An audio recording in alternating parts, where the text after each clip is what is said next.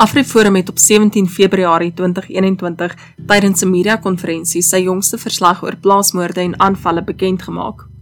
Volgens die verslag was daar in 2020 'n toename in plaasmoorde ten spyte van die feit dat misdaad in Suid-Afrika in hierdie tyd afgeneem het. Die statistieke skets 'n donker prentjie vir boere, hul gesinne en plaaswerkers. Ek gesels vandag met Andrea Miller van die AfriForum Navorsingsinstituut oor hierdie verslag. Ek is Shantay en jy luister na Afripot.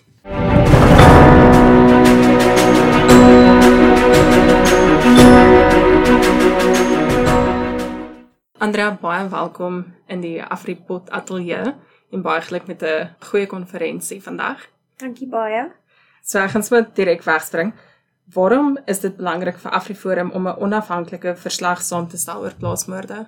So ek weet baie organisasies stel hulle eie statistiek beskikbaar. So ek dink dit is belangrik dat ons ook ons in bekend maak sodat dit vergelyk kan word met mekaar, sodat die mense kan kies watse statistiek hulle vanaf wil werk, dat daar nie net een stel data is vir mense wat daarmee wil werk nie. So watter bronne gebruik julle om julle data te versamel? So um Afriforum veiligheid het baie van die data vir ons voorsien veral in 2020 omdat ons nie juis polisie toe kon gaan en ek nie met die mense daar betrokke kon praat oor die aanvalle en die moorde nie. En dan baie van die gevalle kry ons ook in media artikels uh, op sosiale media en dan van die van, in baie min gevalle van die familie self kry ons ook inligting. Dink jy die polisie se statistieke is ak is akkuraat en word julle ehm um, julle verslag saamgestel in oorleg met die polisie se statistieke of is dit heeltemal onafhanklik? So ek sou sê ek dink is akkuraat dit verskil van ons in, maar veral met die plaasaanvalle word baie aanvalle direk by 'n polisiestasie gerapporteer wat ons nie altyd in die media of in ons netwerke optel nie. So ek sou sê hulle aanvalle is baie baie akkuraat en die moorde is min of meer dieselfde as ons en dit verskil met 2 of 3 moorde gewoonlik. So dit is maar net 'n geval van toepassing van die definisie. Ja. O, is dit is dit hoekom die die syfer verskil van wat jy ag as 'n plaasmoord en wat die polisie ag as 'n plaasmoord? Ja, so ons gebruik dieselfde definisie, maar daar's baie in ge, sommige gevalle is daar klein goedjies waar 'n mens onseker is en ons sal dit byvoorbeeld nie vat nie of hulle sal dit vat. So die definisie is dieselfde, maar dis dis klein goedjies wat dit bepaal.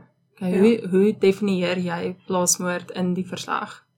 Okay, so ek het die definisie in Engels. Ek sal dit sommer net direk so lees Straf. wat van die Rural Safety Strategy of kom. So there's acts of violence against persons on farms and small holdings refer to acts aimed at persons residing on, working on or visiting farms and small holdings, whether with the intent to murder, rape, rob or inflict bodily harm. In addition, all acts of violence against the infrastructure and property in the rural community aimed at disrupting legal farming activities as a commercial concern, whether the motives are related to ideology, land disputes, land issues, revenge, grievances, racist concerns, or intimidation are included. Cases related to domestic violence or liquor abuse or resulting from commonplace interaction between people are excluded from the definition. So dis die definisie wat ons gebruik.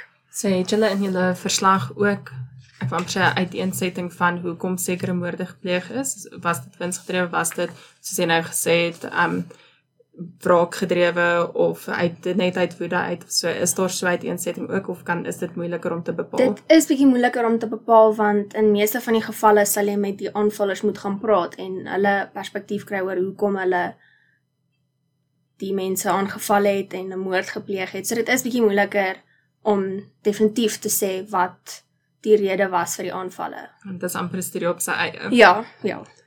Kan jy kortliks vir ons 'n oorsig gee oor die veranderinge van 2019 se statistiek en 2020 se en wat het vir jou uitgestaan? So wat dadelik uitgestaan het was die geweld wat teenoor die slagoffers gewys was.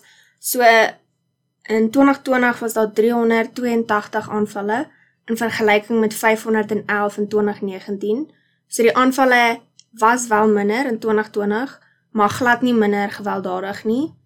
Die moorde vir 2020 was 63 en in 2019 was dit 45. So die moorde het wel gestyg. Hoekom het die aanvalsyfer gedaal? So mense kon sê dat dit 'n rede daarvoor was was die inperking want daar was meer polisie sigbaar, mense se beweging was gemonitor. So dit kon dit kan 'n moontlike rede daarvoor wees. Okay, so plaasmoorde neem jaar na jaar toe, soos wat jy nou ook verwys het tussen 2019 en 2020. Hoekom dink jy is dit so? Dink jy dit is maar net 'n natuurlike proses wat dit volg? Dink jy dit is maar net hoe dit vloei of is daar spesifieke redes? Wel, 2020 was 'n bietjie 'n moeilike jaar om te vergelyk omdat hy heeltemal anders was. Maar ek dink dit is maar 'n natuurlike ding dat die moorde gaan nie minder raak totdat die regering dit 'n prioriteitsmisdaad as 'n prioriteitsmisdaad klassifiseer nie en die regte teenstrategie implementeer nie. Hoe objektief is Afriforum se plaasmoordverslag? So die data wat in die verslag gebruik word is van verskeie netwerke soos ek voorheen genoem het. Mm, versamel so geen persoonlike opinies is in die verslag gesit nie. Die data wys wat die data wys en dit is waar waarvan die verslag saamgestel is. So statistieke is nooit vasgemessel nie. Dit kan verander al is dit al reeds bekend gestel. Hoekom verander data van 1 jaar na die volgende in as mens kyk na data wat is bekend gestel in 2019 en as mens nou weer terugkyk na die bygewerkte data wat jy gele gedoen het, hoekom verander dit uh, vir dieselfde jaar? So my werk behels om deurlopend deur die moorde te kyk van 2016 tot 2020. So soos wat die jaar aangaan, kom is daar word daar meer inligting beskikbaar gestel met 'n aanval. So na 'n jaar kom mense agter, oh, okay, die 'n fa familielid was betrokke, so dit val nie meer onder die definisie nie.